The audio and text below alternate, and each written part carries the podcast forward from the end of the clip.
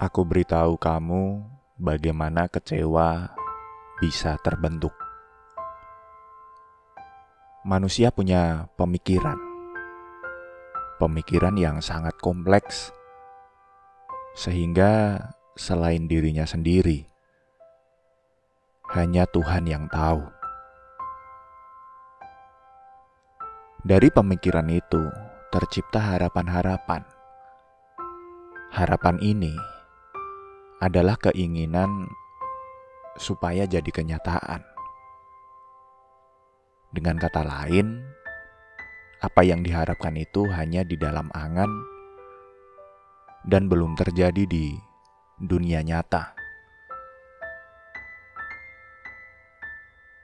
Untuk bisa mewujudkan apa yang diharapkan, manusia bisa mengusahakannya tapi hanya sebatas apa yang dapat dia ubah. Sementara di luar sana, nyatanya banyak hal justru sulit dan bahkan mustahil untuk diubah.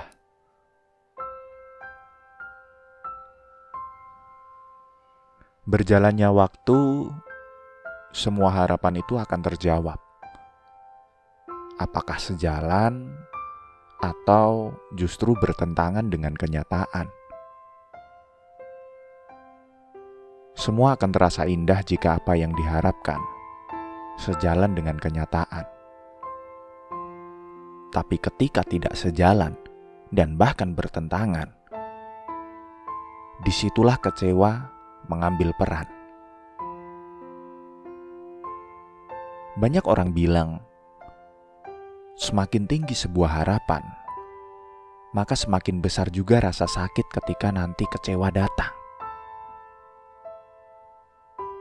Maka dari itu, aku hanya bisa memberimu sebuah saran. Tetap jaga harapanmu di titik nol pada hal-hal yang tidak bisa kamu ubah, agar nantinya, ketika semua tidak berjalan sesuai rencana kamu tidak merasa bersalah.